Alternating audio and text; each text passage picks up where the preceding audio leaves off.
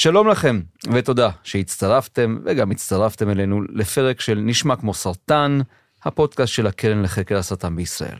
אני עטילה שומפלבי, המנחה שלכם בפרק הזה, וכאן איתי באולפן הפרופסור אורי בן דוד מאוניברסיטת תל אביב. שלום פרופסור. היי. היום נדבר על תאים ועל הכרומוזומים שנמצאים בהם, וגם על מדע בסיסי ולמה הוא חשוב כל כך, וגם על הסיבות שמביאות חוקר צעיר ומבריק, רמז הפרופסור שמולי, לקחת את המשפחה שלו, לעזוב, שימו לב, את בוסטון, עין עין הרווארד, ולחזור לישראל. נשמע כמו סרטן, הפרופסור אורי בן דוד, הנה אנחנו מתחילים. נשמע כמו סרטן. הפודקאסט של הקרן לחקר הסרטן בישראל.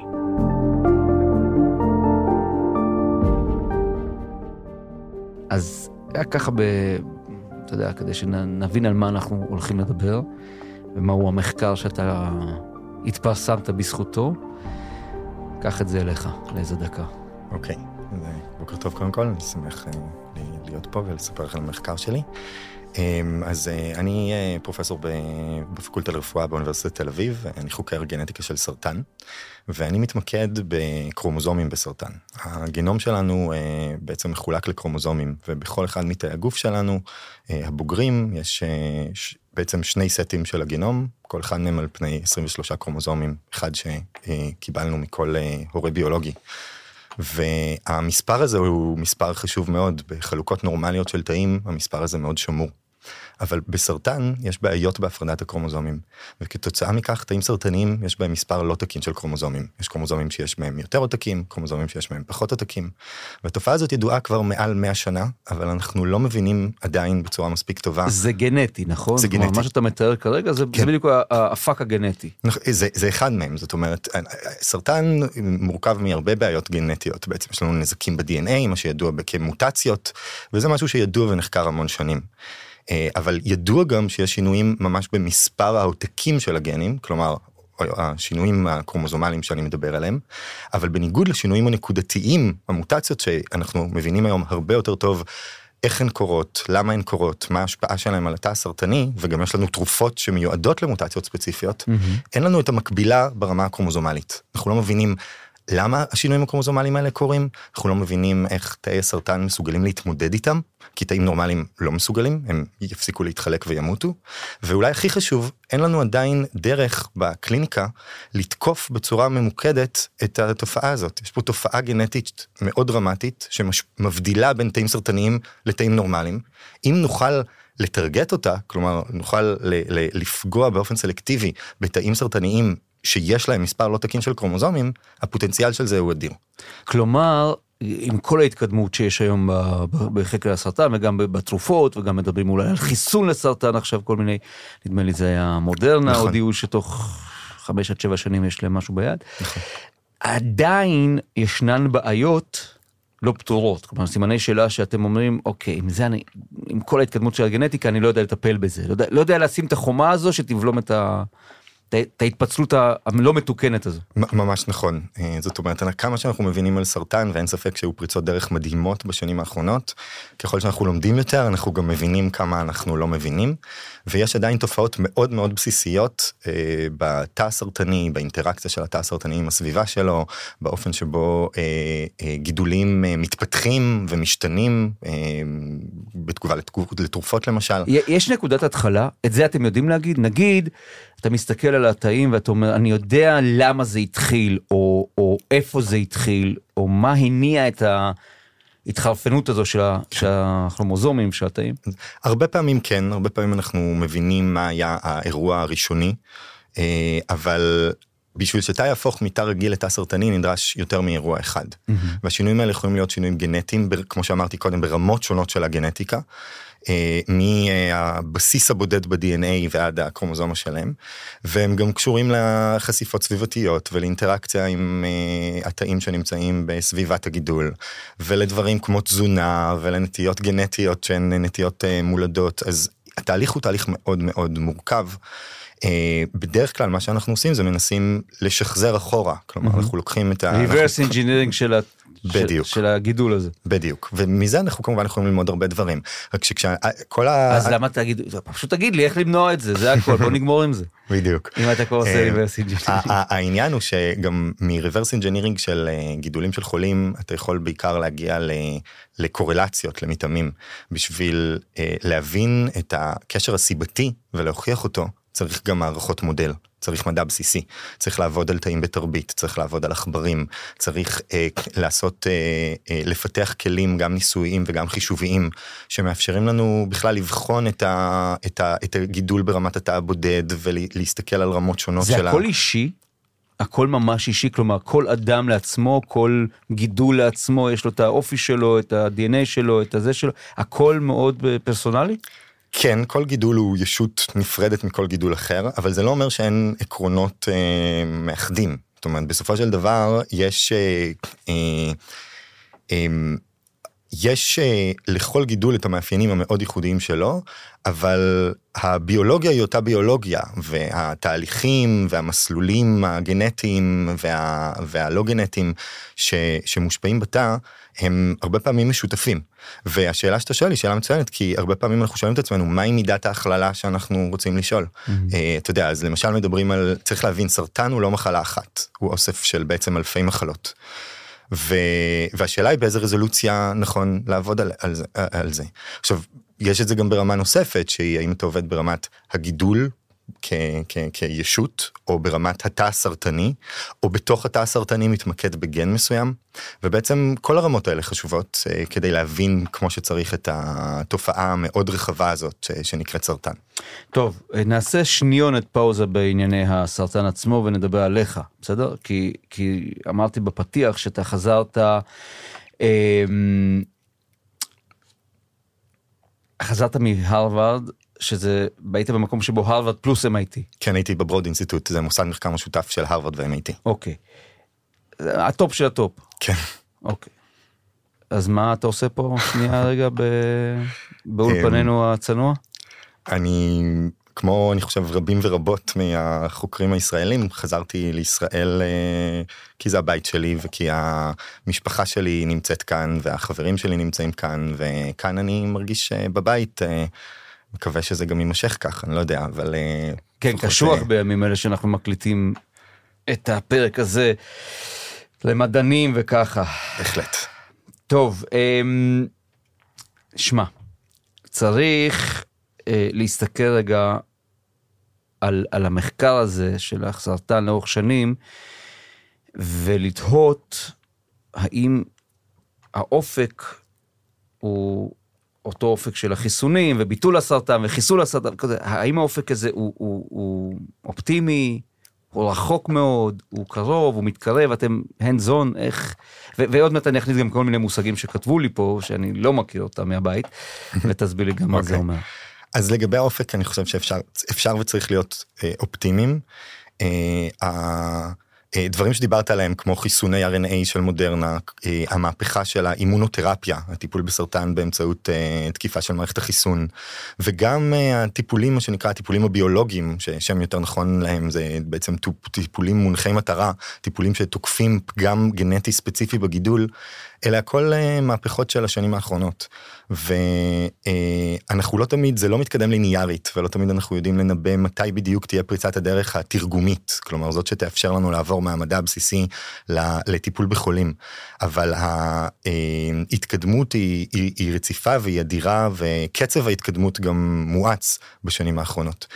אני חושב שגם צריך להיות ריאליים, זאת אומרת אנחנו לא נהפוך את, לא נרפא את הסרטן בשנים הקרובות, זה לא יהפוך להיות נון אישו, כמו שאמרתי קודם צריך להבין שסרטן זה, זה אוסף של הרבה מאוד מחלות מאוד מורכבות, ולכן אף פעם לא תהיה תרופה לסרטן, יהיו תרופות לסרטן, יהיו טיפולים לסרטן, לא, אין מג'יק uh, בולט שיפתור לנו uh, את כל הבעיות. ולכן אני חושב שצריך להיזהר גם בהבטחות. Uh, אני חושב שהתמונה הכללית היא מאוד חיובית, ההתקדמות היא אדירה בסוגים מסוימים של סרטן, בסוגים אחרים של סרטן אנחנו לצערי עדיין מתקדמים לאט מאוד ב- ב- ביכולת שלנו לטפל בחולות ובחולים. אנחנו צריכים להיזהר לא לפרש כל מחקר שיוצא, כי אתה יודע, שיקבל כותרת של מדענים ריפאו את הסרטן, שצריך להס, להסביר ולהנגיש לציבור את החשיבות של מה שאנחנו עושים, ויחד עם זה להיזהר מהבטחות יתר. אה, אבל כן, אני חושב שאפשר להיות אופטימי. אה, יופי, משהו טוב. תגיד, מה זה אנפלואידיה? אנפלואידיה. אנפלואידיה. אנפלואידיה. אנפלואידיה זה אותו שינוי במספר הקרומוזומים שתיארתי קודם, זה בעצם נושא המחקר של המעבדה שלי, אנחנו מיישמים אה, שיטות ניסויות וחישוביות כדי לחקור את התופעה הזאת. ואנופלואידיה זה פשוט, אה, הפלואידיה זה בעצם מספר העותקים של הגנום שיש לנו, ואן זה אומר לא, זאת אומרת יש לנו חריגה מהמספר התקין הזה של הקרומוזומים. אה, אז זו תופעה שלציבור היא מוכרת בעיקר מתסמונות כמו אה, תסמונת דאון, שיש בה עותק נוסף של קרומוזום 21. זאת גם תופעה שגורמת, ל... וזו בעצם הסיבה המרכזית להפלות טבעיות בשליש הראשון של ההיריון. במהלך ההתפתחות העוברית, ובכלל, התאים שלנו לא מסוגלים לסבול את השינוי הזה במספר הקרומוזומים. הם חייבים שני עותקים מכל קרומוזום. אבל בסרטן, לא רק שהתופעה הזאת קורית, ו-90% מהגידולים המוצקים מהסרטנים שאינם סרטני דם הם, הם אנופלואידים, אז לא רק שהם מסוגלים לסבול את זה, אלא יש לנו הרבה עדויות שבעצם התהליך הזה מקדם את התהליך הסרטני. והתופעה הזאת היא בעצם חיונית לתאי סרטן. ויש פה דבר שבעצם זה נקרא פרדוקס האנופלואידיה, שקיים הרבה מאוד שנים, אה, ואנחנו לא מבינים אותו עד הסוף, ובעיניי הוא מרתק מבחינה ביולוגית. אה, ויש לו גם חשיבות קלינית עצומה בגלל ההבדל הזה בין תאים נורמליים לתאים סרטניים. Mm-hmm. עכשיו ב-10-15 שנים האחרונות בעצם התפתחו המון טכנולוגיות, גם ניסויות וגם חישוביות, שמאפשרות לנו למדוד טוב יותר את התופעה הזאת, להתערב יותר בתופעה הזאת. אה, אה, צריך להבין, גם היום, בעידן שלנו, של עריכה גנומית וכולי, זה מאוד מסובך פשוט להכניס קרומוזומים לתאים, להוציא קרומוזומים לתאים ולראות מה קורה. כן, כי לי זה, לעיתים זה נראה כאילו השתלטתם על, ה, על הטכניקה. ותמיד אני שואל את עצמי, אוקיי, אז למה הם לא... כן. למה הם לא מתקנים? איפה הננו טכנולוגיה של שמעון פרס, של, אתה יודע, לשלוח את הרובוט המיקרו מייני ווטאבר, רובוט הזה שיתקן את העניינים. זה עוד לא שם? למרות כל ההתקדמות והננו וככה? תראה, ברמת הקרומוזומים אנחנו ממש עוד לא שם, ברמת הגנים הבודדים יש היום כבר אה, תיקוני בעצם גנים. בעצם תיקוני גנים, כן. ריפוי גני, למחלות מסוימות זה עוד לא באמת קיים בסרטן, זה נכון ב-ALS. لا, וב... למה שם כן ולא... כי, ב... כי... הסרטן זה סיבה מספר אחת, לא לב, מה... מה... לתמותה? לתמותה. תלוי באיזה, באיזה עולם באיזה, אתה אוקיי. מסתכל, בעולם המערבי סרטן עבר את מחלות הלב בתור uh, הסיבה העיקרית לתמותה אוקיי. יפה. טבעית. אז בואו קדימה. כן. אם אתם יודעים להיכנס למקומות מסוימים, כנסו לכל uh, מקום. It's not for lack of trying. uh, צריך להבין שוב שיש המון רמות של, יש מחקר בסיסי, יש מחקר תרגומי או פרה-קליני ויש מחקר קליני. אבל מה הקושי הכי גדול? הנה, הנה שאלה שתמיד רציתי לשאול מדען. מה הקושי הכי גדול בלבוא ולהסתכל, אתה אומר, אוקיי, אה, פציינט יקר, אה, המצב הוא fucked up, אבל... אנחנו יודעים לעשות כך וכך, איפה הקושי להגיד, אני, אני יודע לעצור את זה? הקושי הכי גדול בסרטן הוא שאנחנו נלחמים בתאים שלנו. אנחנו נלחמים בעצמנו. הסרטן הוא לא זיהום, הוא לא וירוס שהגיע מ, מ, ממקום אחר. זה הריבוי אל, שלנו. אלה תאים שלנו, כן. שהבקרה עליהם נפגמה, והם, ו, ו, ולהילחם בעצמך בהקשר הזה זה מאוד מאוד קשה. הגוף לא אמור לדעת לתקן את זה? אז הגוף... אה, ומערכת החיסון באופן ספציפי אה, אמורה ואכן נלחמת, אתה יכול לשאול למה לא כל התאים בגוף שלנו הופכים להיות סרטניים, והתשובה היא שהגוף שלנו נלחם בזה. Okay. אוקיי. אבל כשהגוף לא מצליח להילחם בזה, ואתה עובר את תהליך ההתמרה הסרטנית ובאמת מתפתח לנו סרטן, מאוד מאוד קשה להילחם בזה, כי תראה, להרוג תא סרטני זה קל, אה, אתה יודע, כמו שאמר אה, נשיא ארה"ב הקודם על הקורונה, למה שלא נשתה אקונומיקה ו... ונהרוג את הווירוס? Mm-hmm. אז להרוג תאים סרטניים אנחנו יודעים, זה מאוד קל. החוכמה היא רק לא להרוג את התאים הבריאים של הגוף שלנו. בדרך. ובגלל שהתאים הסרטניים הם לא חיידק והם לא וירוס והם הם, הם, הם גם לא, זה לא תופעה, אה, הצרות עורקים שאפשר להיכנס עם סטנט ולפתוח אותה. אה, וכמובן כל התופעות שציינתי הן בפני עצמן, כמו שאנחנו יודעים, אה, מורכבות ולא אה, טריוויאליות ודורשות מדע בסיסי. תגיד, מתי החלטת להתעסק עם זה? אפרופו המסעות שלך בעולם והפוסט דוקטורט והקרן וכל ההתר... מתי בדיוק אמרת אוקיי זה זה זה זה ייעוד חיי כי אתה אין, אין אקזיט פה נכון? עלית על פה מסלול על, עד גיל 90 בערך כן, של עבודה. אני, אני מקווה שכן. אמ, זאת אומרת, כמו שאמרת קודם, אני מקווה שיהיו הרבה הצלחות בדרך, אבל אני, אני לא חושב שיש אה, חשש שנהיה לגמרי מובטלים. אמ, אני למדתי ביולוגיה אמ, מתוך עניין כללי בתחום, בלי לדעת שדווקא סרטן אה, ימשוך אותי. אה, עשיתי דוקטורט בתחום של אה, תאי גזע בריאים באוניברסיטה העברית, ובשלב הזה התחלתי להיכנס בעצם לפוטנציאל הסרטני של תאי גזע, ולקראת ההשתלמות הפוסט דוקטורט שלי בארצות הברית, החלטתי ללכת לגנומיקה של הסרטן. ובעיניי, אתה יודע, כל מדען ומדענית אוהבים להיות באיזשהו space מסוים של מדע בסיסי לעומת רלוונטיות. אני חיפשתי לחקור משהו ש... הוא יהיה מרתק ברמה הבסיסית שלו, כלומר שאלה ביולוגית שהיא שאלה לא פתורה, ומצד שני אני אוהב לראות את ההשפעה שיכולה להיות לדברים שלנו על, על אנשים ועל טיפול במחלות אנושיות, אה, ו, ו, וה... מחקר של גנטיקה של סרטן בעצם מאפשר לך לעשות את זה, כי אני עושה מדע מאוד בסיסי, אבל היכולת שלו פוטנציאלית לעזור לחולים היא יכול, עשויה להיות מאוד מהירה. אה, לפני שנתיים פרסמנו מאמר שבו חשפנו איזשהו מנגנון אה, שיש לתאים אנופלואידים, לתאים שיש בהם את השינויים הקרומוזומליים האלה, אה, המנגנון הזה חשוב במיוחד. והיום יש כבר ניסויים קליניים שבעצם עם, עם, עם תרופה שפיתחה חברה שלא קשורה אלינו, אה, נגד אותו מנגנון, ובעקבות העבודה שלנו וגם עבודות של מעבדות אחרות, הם החליטו שהתרופה הזאת, הם יבדקו אותה על גידולים עם רמה גבוהה של אנופלואידיה, ו, אה, אה, ועכשיו אנחנו נראה אם בעצם מה שמצאנו רלוונטי גם לטיפול בחולים. אז המרחק הזה הוא מרחק שיכול להיות לפעמים מאוד קצר, אבל העבודה שאני עושה היא עבודה, אני רוצה להיות מדען, אני לא רופא. כן, כן, וההתמקדות שלך היא בזה. זאת אומרת, יש, יש כמעט, לא הייתי אומר ספציפי, אבל מן הסתם זה מנגנון מסוים שאתה חוקר אותו, ויכול להיות שזה מה שתעשה בעשור הקרוב עד שתפצח. כן. בתקווה. זו, זו תופעה שהיא נשמעת מאוד מאוד מצומצמת, אתה יודע, זה שוב, לא, עניין של איפה צוללים. זה בעצם מביא אותנו ש... ל... לא, זה, אני אומר, זה מביא אותנו למחקר של הרבה סוגים של מנגנונים, למחקר, אבל כן, אני כרגע מתמקד בסרטן, וספציפית בקרומוזומים בסרטן, mm-hmm, אני חושב mm-hmm. שיש הרבה מה לגלות.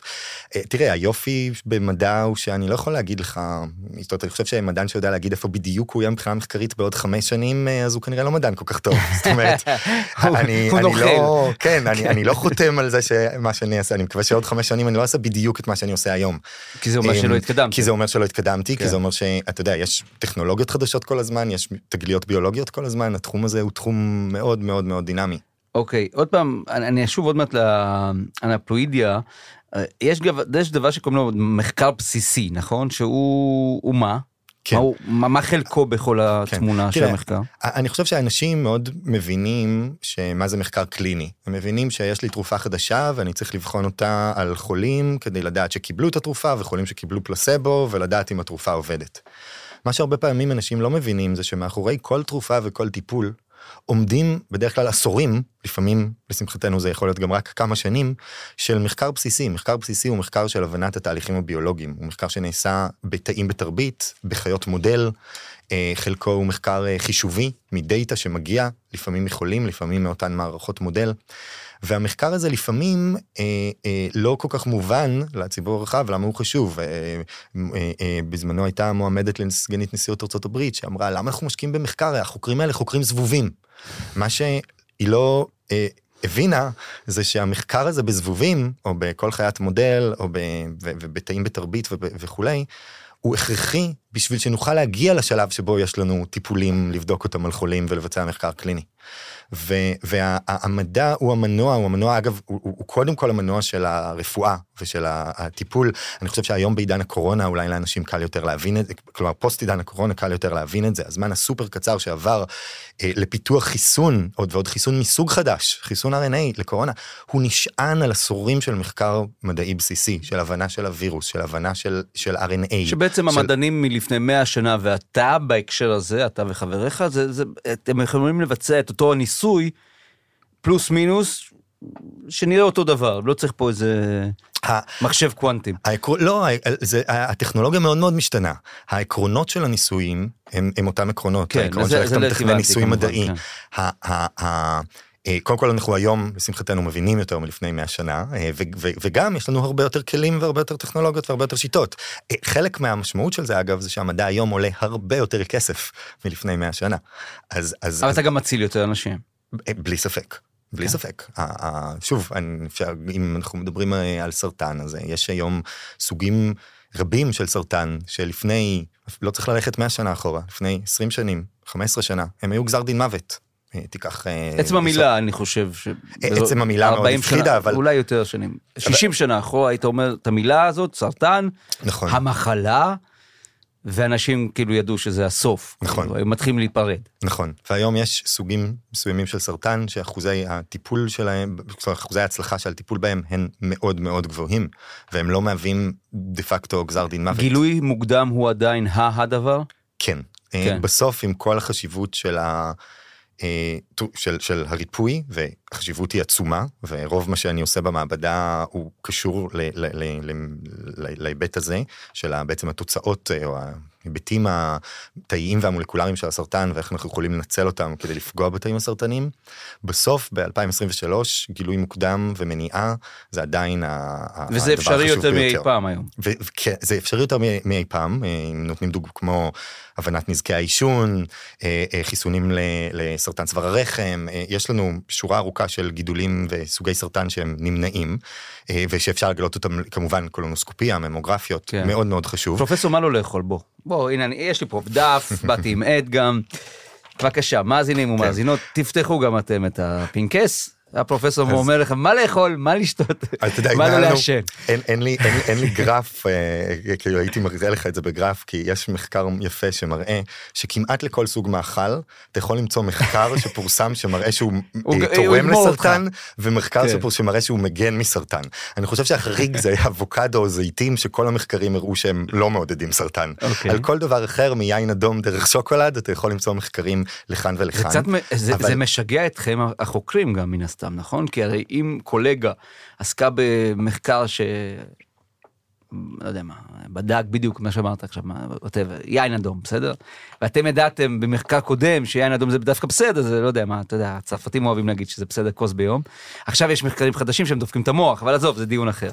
ה- ה- מה מה עושים אז? זה- כן. זה זה פיבוט במחקר? לא, אבל מה- מה שאתה מתאר זה התהליך הטבעי והנחוץ של מחקר. של מחקר. כן. וזה גם נורא חשוב ש- להבין. המדע מתקיים מאותן מחלוקות, מאותם ויכוחים. זה היופי במדע, שבסופו של דבר אנחנו מתקדמים לעבר האמת. אנחנו מתקדמים לעבר מה שנכון. ומחקר כזה או אחר יכול להיות שגוי. ואגב, ברוב המוחלט של המקרים הוא לא יהיה שגוי כי, כי- כי זאת הונאה, או כי החוקר אה, רצה לרמות או משהו כזה. יש מיליון גורמים שגורמים להבדלים בין מחקרים שיוצאים ממעבדות שונות ויכול- ו- ואולי הגיעו למסקנות אה, שונות, אולי אפילו הפוכות. היופי הוא שכשאנחנו מדווחים את התוצאות שלנו, אנחנו מדווחים בדיוק איך הגענו אליהן, ואפשר לחזור על הניסויים. יש שיתוף פעולה? אגב, כי אתה בא מבוסטון ואתה בתל אביב, ו... אוקיי, זה, זה קל להגיד אמריקאים וישראלים עובדים ביחד, נו אוקיי, סבבה, זה מה שלא בטוח שיקרה בעתיד, אבל בואו נראה מה יהיה. אבל בגדול, מה אני שואל? הרי, אה, שוחחתי בעבר עם מדענים, ואמרו לי, תשמע, הבעיה הכי גדולה, הכי גדולה, חוץ מכסף, ונגיע גם לכסף, ש, ש, שהכסף צריך לבוא מהפארמה, הביג פארמה, שצריך להגיד, אוקיי, פרופסור בן דוד, אני אוהב את מה שאתה עושה, עכשיו קח 100 מיליון דולר ל phase 3 או whatever ותתחיל להתקדם, או זה בתרופה. או כן, למחקר ב- במדע מעבדה. בסיסי רוב הכסף לאו דווקא מגיע מהפארמה. אז אוקיי, לא, אני אומר, התכוון- התכוונתי קדימה. אוקיי. אה, מצאת משהו, בסדר? אה, ניסוי קליני וככה. ו- ואמרו לי, אחת הבעיות לאורך הרבה מאוד שנים, והאמריקנים ניסו לשנות את זה, נדמה לי, האמריקנים היו אלה, שבן דוד יושב בתל אביב, ג'ונסטון יושב בבוסטון, whatever, מישהו אחר יושב בצרפת, וכל אחד עובד מאוד מאוד קשה, אבל השיתוף ביניהם אה, מצריך דיון. כן. אז קודם כל אני זה חושב... השתנה? זה משתנה? כן, זה השתנה ומשתנה, ואנחנו נמצאים היום במקום אחר לגמרי מלפני אה, כמה עשרות שנים. אה, שיתופי הפעולה הם אדירים והם נרחבים והם קורים בכל הרמות אבל זה פתוח? המדינות. זה, זה קוד פתוח הם- כזה? אה, קודם כל הרוב כן. אה, כן? כשאנחנו, כן, כל, כשאתה מפרסם, קודם כל בטח אחרי שפרסמת, אז uh, הכל פתוח. הריאגנטים, הקוד, הכל. אוקיי. Uh, מה שיפה בשני זה שבשנים האחרונות זה מתחיל לקרות גם לפני שאתה מפרסם. זאת אומרת, היום אנחנו, אז, אז לא הכל, תראה, בסוף, יש תחרות ויש אה, זה לא אנחנו לא בלה לה לנד כן הרבה פעמים יש תחרות בין מדענים ושוב היא, כשהיא, כשהיא כשזה בפרופורציות זה דבר שיכול גם להאיץ את המחקר ולהיות בונה. אבל אבל היום גם דיברת קודם על, ה, על הספציפיות על ההתמקצעות אני לא מומחה להכל. אם אני רוצה לקדם את המדע שלי מהר ואני מגיע לאיזושהי שאלה מסוימת ואני לא המומחה בשאלה הזאת אני לא יכול כל פעם ללמוד מחדש את הכל ולהיות מומחה. אז, אז שיתופי הפעולה האלה הם הכרחיים ונחוצים וחשובים. אה, ולכן אצלי במעבדה למשל אני יכול אפילו להגיד שמרבית הפרויקטים ש... אה, אה, שהמעבדה שלי עובדת עליהם חשוב גם להגיד כן שאני אני עומד בראש מעבדה אנחנו צוות אני לא עושה שום דבר לבד למעשה אני כמעט לא עושה שום דבר בעצמי יש לי צוות של סטודנטים של פוסט דוקטורנטים של עובדים. של, של עובדים ו, ובעצם רוב הפרויקטים במעבדה שלנו הם בשיתופי פעולה. אז בוא נדבר רגע על כסף ועל הקרן בסדר? בכל זאת הפודקאסט הזה שייך לקרן. מתי הכרת את הקרן, איך... אה, כן. מה קיבלת, מה, אז, מה אה, אתה עושה בלי, בלעד... תגיד שאתה לא יכול בלעדיהם פשוט, תגיד שזה נגמור עם זה. כן, הקרן אה, לחקר הסרטן, ה-ICRF, היא קרן מאוד מיוחדת. Uh, הסיפור שלה הוא סיפור uh, מדהים, אני לא אספר את uh, סיפור ההיסטוריה של הקרן, זה אולי לפודקאסט לא, דווקא אחר, הקשר שלך לקרן. הקשר שלי לקרן כן. הוא שכשאני, אחד מהדברים, בעצם אחד הקשיים הוא הרי להחזיר מדענים מצטיינים לישראל. התחלת מזה בעצם, את התחלנו את השיחה. אה, לקרן יש אה, מענק שנקרא מענק גשר, שניתן לחוקרי סרטן מצטיינים, אה, שבעצם חוזרים לישראל אחרי הפוסט-דוקטורט. וזה בעצם הייתה האינטראקציה הראשונה שלי עם הקרן, אני קיבלתי את אחד המענקים האלה. היופי של המענק הזה זה שבעצם אתה כבר, כבר כשאתה מתחיל את המעבדה, יש לך, יש לך קצת כסף. אה, ולכן זה חוסך את ה lag בטח הזה. גם יכול לגור בתל אביב. זה, אה, אה, הכסף הוא למחקר, אה, אני צריך כן, להגיד, הוא. לא מגיע, אף אחד מאיתנו לא מתעשר ממחקר סרטן. אנשי הקרן בבקשה, נא לפתוח סעיף נוסף, מגורים בתל אביב. כן, כלומר אף אחד מאיתנו באקדמיה לפחות, אבל המענק הזה הוא בעצם היה מאוד חשוב לפתיחת המעבדה, לתחילת המעבדה. עד כדי כך, כלומר זה ממש igniting money כזה. כן, עכשיו תראה, יש, יש, יש, יש קרנות שונות ו- וכתלות ב- במידת אתה ההצלחה. מרגיש כמו סטארט-אפ לפעמים? אני- במעבדה, אתה יושב עם החבר'ה, אתה אומר בוא אנחנו... אנחנו לגמרי, סטארט-אפ. אנחנו לגמרי סטארט-אפ, זאת אומרת במובן הזה שיש לנו רעיון ואנחנו צריכים למצוא את הדרכים לממש אותו, אנחנו מגייסים כספים, אנחנו מגייסים עובדים, יש לנו חופש אקדמי מוחלט, אבל בסופו של דבר אם נצליח, נצליח ואם ניכשל, אבל מחקר הוא אף פעם לא ניסגר. שוט אין דה דארק, נכון? כי תמיד יש בסיס, אמרת קודם שיש מחקרים קודמים תמיד. ויש המון זה. גם סטארט-אפ הוא בדרך כלל לא, זאת אומרת גם סטארט-אפ, אני חושב שיש סטארט-אפים יותר ריסקי ופחות ריסקי, יש גם מדע שהוא יותר ריסקי לא, ופחות אז, ריסקי. אז מה כן פה, מה פה הריסקיות של הכיוון שבו אתם הולכים? כן. שאתה מחליט עכשיו להתעסק עם כרומוזום וזהו, וזה יכול לקחת שנים ויכול להיות שלא יצא מזה כלום? בדיוק, ויכול להיות שאני, שאני, שהכיוון שאני חוקר הוא או שהוא כיוון שגוי והסתבר מדעית שזה לא כיוון טוב, או שטכנית, פרקטית, אני לא אצליח לממש כי חסרה לנו הטכנולוגיה או חסרה לנו, חסרות לנו שיטות אה, בשביל להגיע אל אותה מטרה. ולכן מדע זה תמיד, אבל אני חושב שזה נכון כאמור גם בהיבטים- בתחומי דעת אחרים או בתחומים אחרים, כן. זה, זה איזשהו, צריך בשביל, במיוחד כדי שתוכל להמר ותוכל לנסות לממש חזון ולחשוב רחוק ולהיות אמיץ, אתה צריך תשתית של תמיכה. והתמיכה של קרנות כמו ICRF היא תמיכה קריטית אה, לדבר הזה. עכשיו אני אגיד עוד שני... שקט, אתה צריך שקט. ויכולת ממש לעבוד זאת אומרת כמו שאתה כמו שבסטארט-אפ אתה צריך לשלם את חשבונות המים והחשמל אנחנו צריכים אה, מכשירים אנחנו צריכים ריאגנטים וגם אני צריך לשלם לסטודנטים ולעובדים. אה, אז אז ה- הכסף הוא, הוא, הוא חיוני הסכומים שנדרשים הם גבוהים אה, אני אה, אה, והמענקים שה-ICRF נותן דוגמת המענק שתיארתי קודם עכשיו בעצם כבר יש לי מענק אחר של ה-ICRF מענק המשך מענק של. אה, אה, אה, לפרויקט שהוא פרו- בעצם פרויקט אחר אתה- מתמיד. אני, אני בדיוק, אני משתדל. אשמח תמיד להיות אה, אה, אה, אה, גרנטי של, ה-ICRF. אני רק אגיד עוד דבר שאני חושב יפה ב-ICRF, כל תהליך הערכה שלהם, הבחינה שלהם של הגרנטים, אה, לא מערב מדענים ישראלים. אה, יופי. זאת אומרת, הם... אה, הוא, הוא, זה, וזה, יש בזה משהו מאוד נקי. אה, זה לא שאורי ש- מכיר את הפרופסור ההוא שהיה בן דוד של אדם. וזה, אוקיי. אז, אז אני חושב שגם בזה הקרן היא, היא מיוחדת בתהליך של, ה, של בחירת הגרנטים הזוכים וכולי. אוקיי, טוב, אה, שמע, אני חייב לעשות מה שנקרא לא engineering אבל בכל זאת קצת reverse לנקודה שבה התחלנו ושם פתאום הזכרת לי את התיכון. אתה הלכת לביולוגיה כי זה עניין אותך, אני הלכתי כי זה היה יותר קל מפיזיקה. ותראה איפה אתה ואיפה אני, ולכן אני אשאל אותך שוב, תראה, כולנו שמענו על קרומוזומים, נדמה לי בכיתה ט' מתחילים, נכון? ח' ט' מתחילים ללמוד. כן. והכרומוזומים, אם, אם אני צריך לשאול אותך למה זה כל כך קשה או מורכב ביחס ל... לא יודע מה, לתאים או... כן.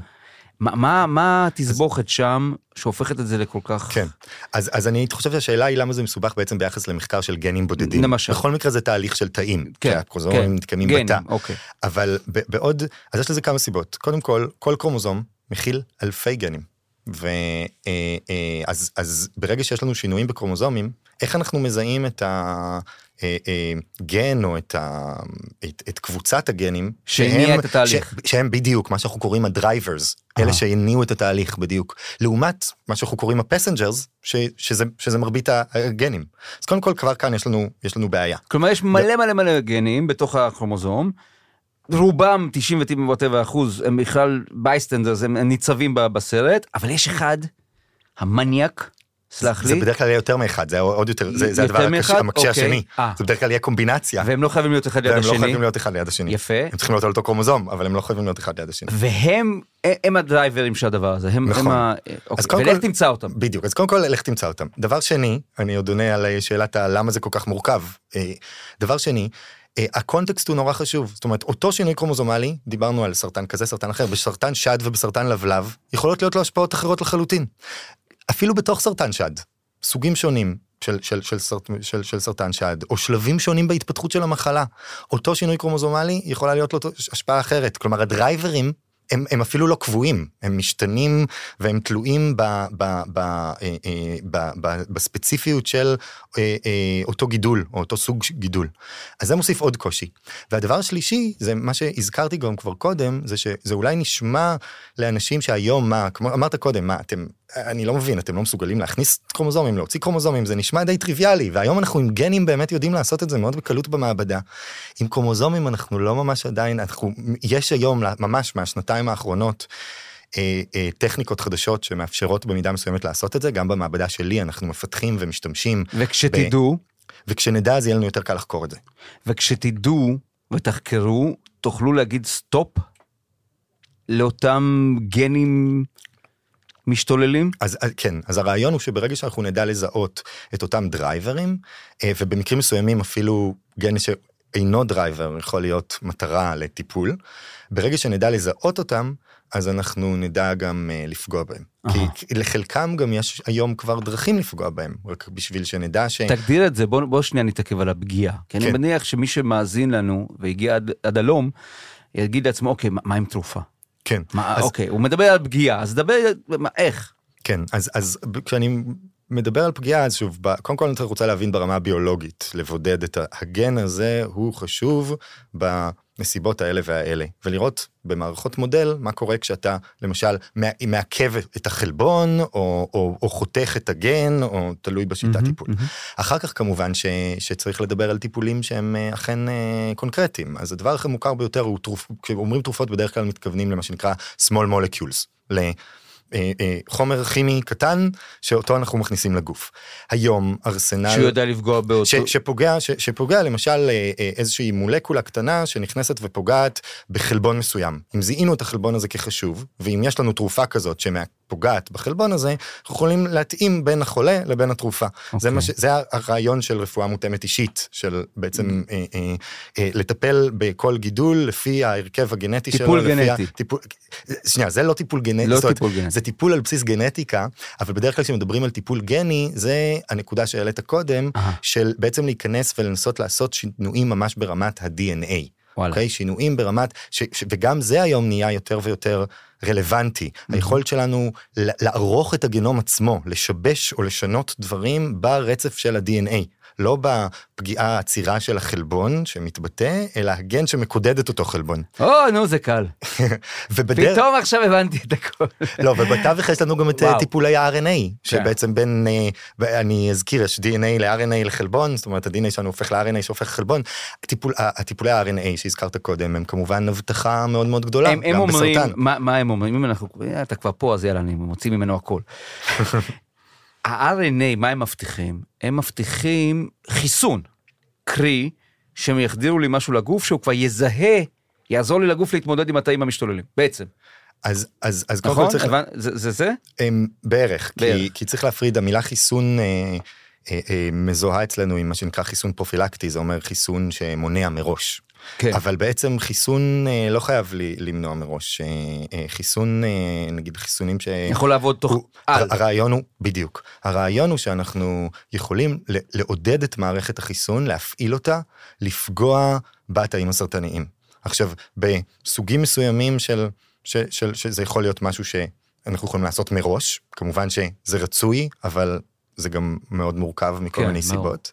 אה, לא שהסוג השני לא מורכב, אבל, אה, אה, ו- אבל, אבל הרבה פעמים כשאנחנו מדברים עכשיו על, על חיסונים לסרטן, מדובר בעיקר על חיסונים שמטפלים בסרטן. מהמם. זאת אומרת, במקום להכניס מולקולה קטנה, אנחנו נכניס RNA ו- ו- ונגרום דרך זה, ל- בעצם ה-RNA יתורגם בתא ויפעיל מנגנונים של, של מערכת החיסון, ש- אה, ו- ותאי מערכת החיסון ידעו, וגם אה. ונוגדנים ש- שכרגע זה עוד לא. קיים. זה כרגע לא קיים. לא קיים. תראה, כרגע חיסון ה-RNA היחיד שקיים למיטב ידיעתי, אולי... קוביד ב- 19. בדיוק.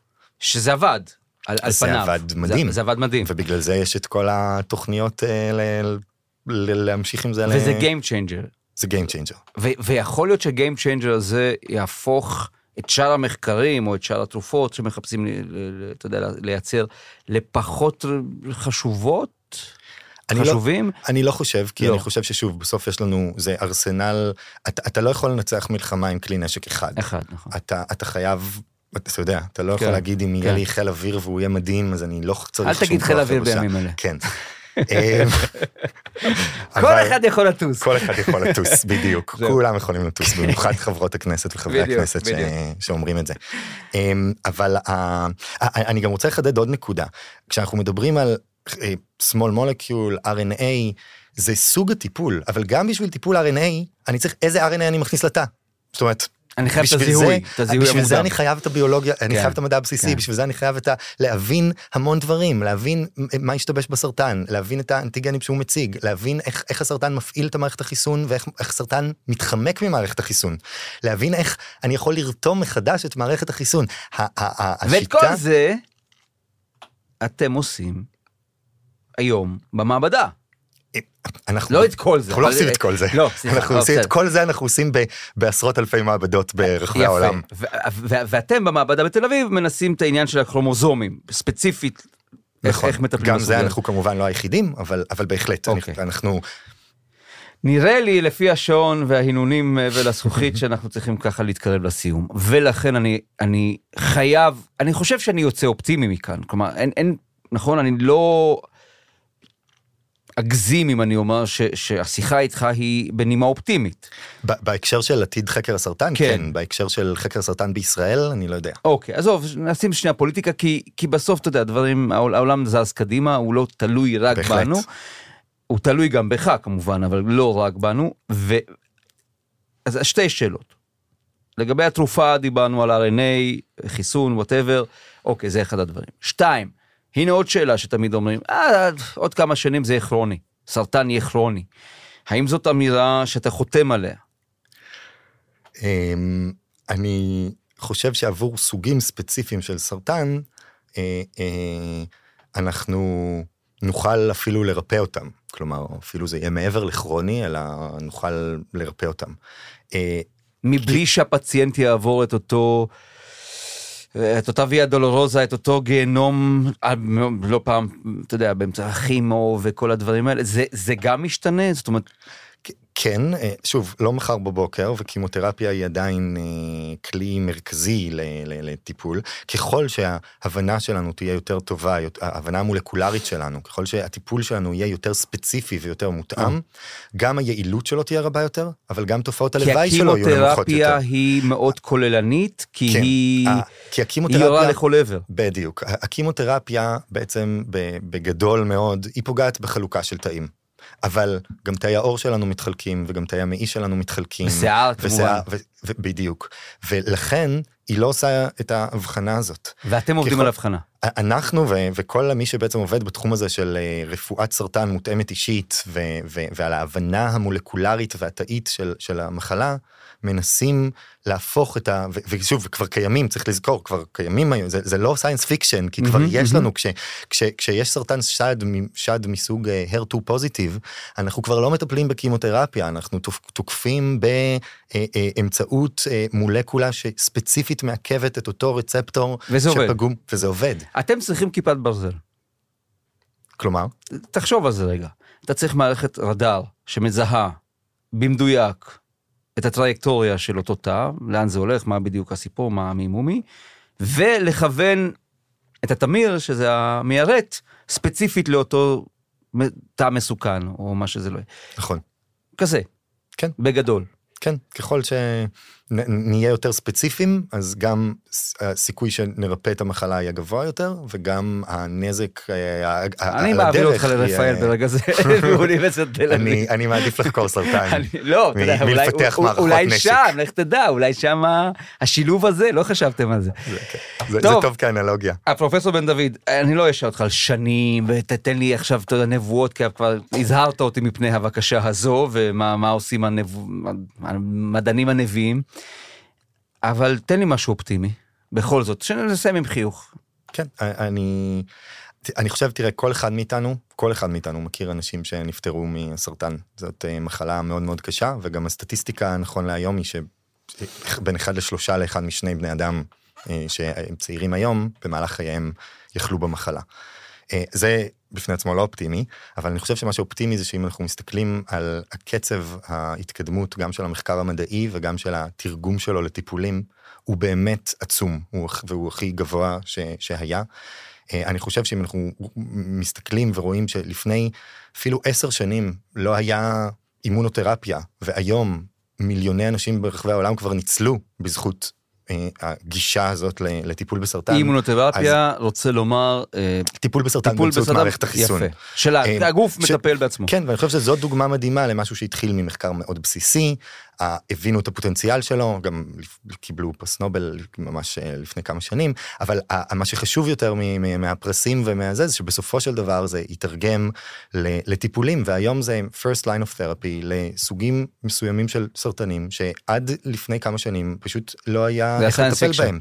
ואני חושב שאם מסתכלים על זה קדימה ומכלילים את זה, לא רק, זה, זה space ספציפי של אימונותרפיה, אבל אני חושב שכשאנחנו חושבים על הפוטנציאל שיש לנו, ואם נבין כמו שצריך את הגנום, הגנום האנושי ונבין כמו שצריך את, ה, את המחלה ברמות ההפשטה השונות שדיברנו עליהן קודם, אז הפוטנציאל הוא עצום. ולכן אני בהחלט אופטימי שהטיפולי הסרטן בעוד עשר שנים יהיו מאוד שונים משהם היום, ובעוד עשרים שנה הם יהיו עוד יותר שונים, וה trajectory הוא trajectory חיובי. Yeah.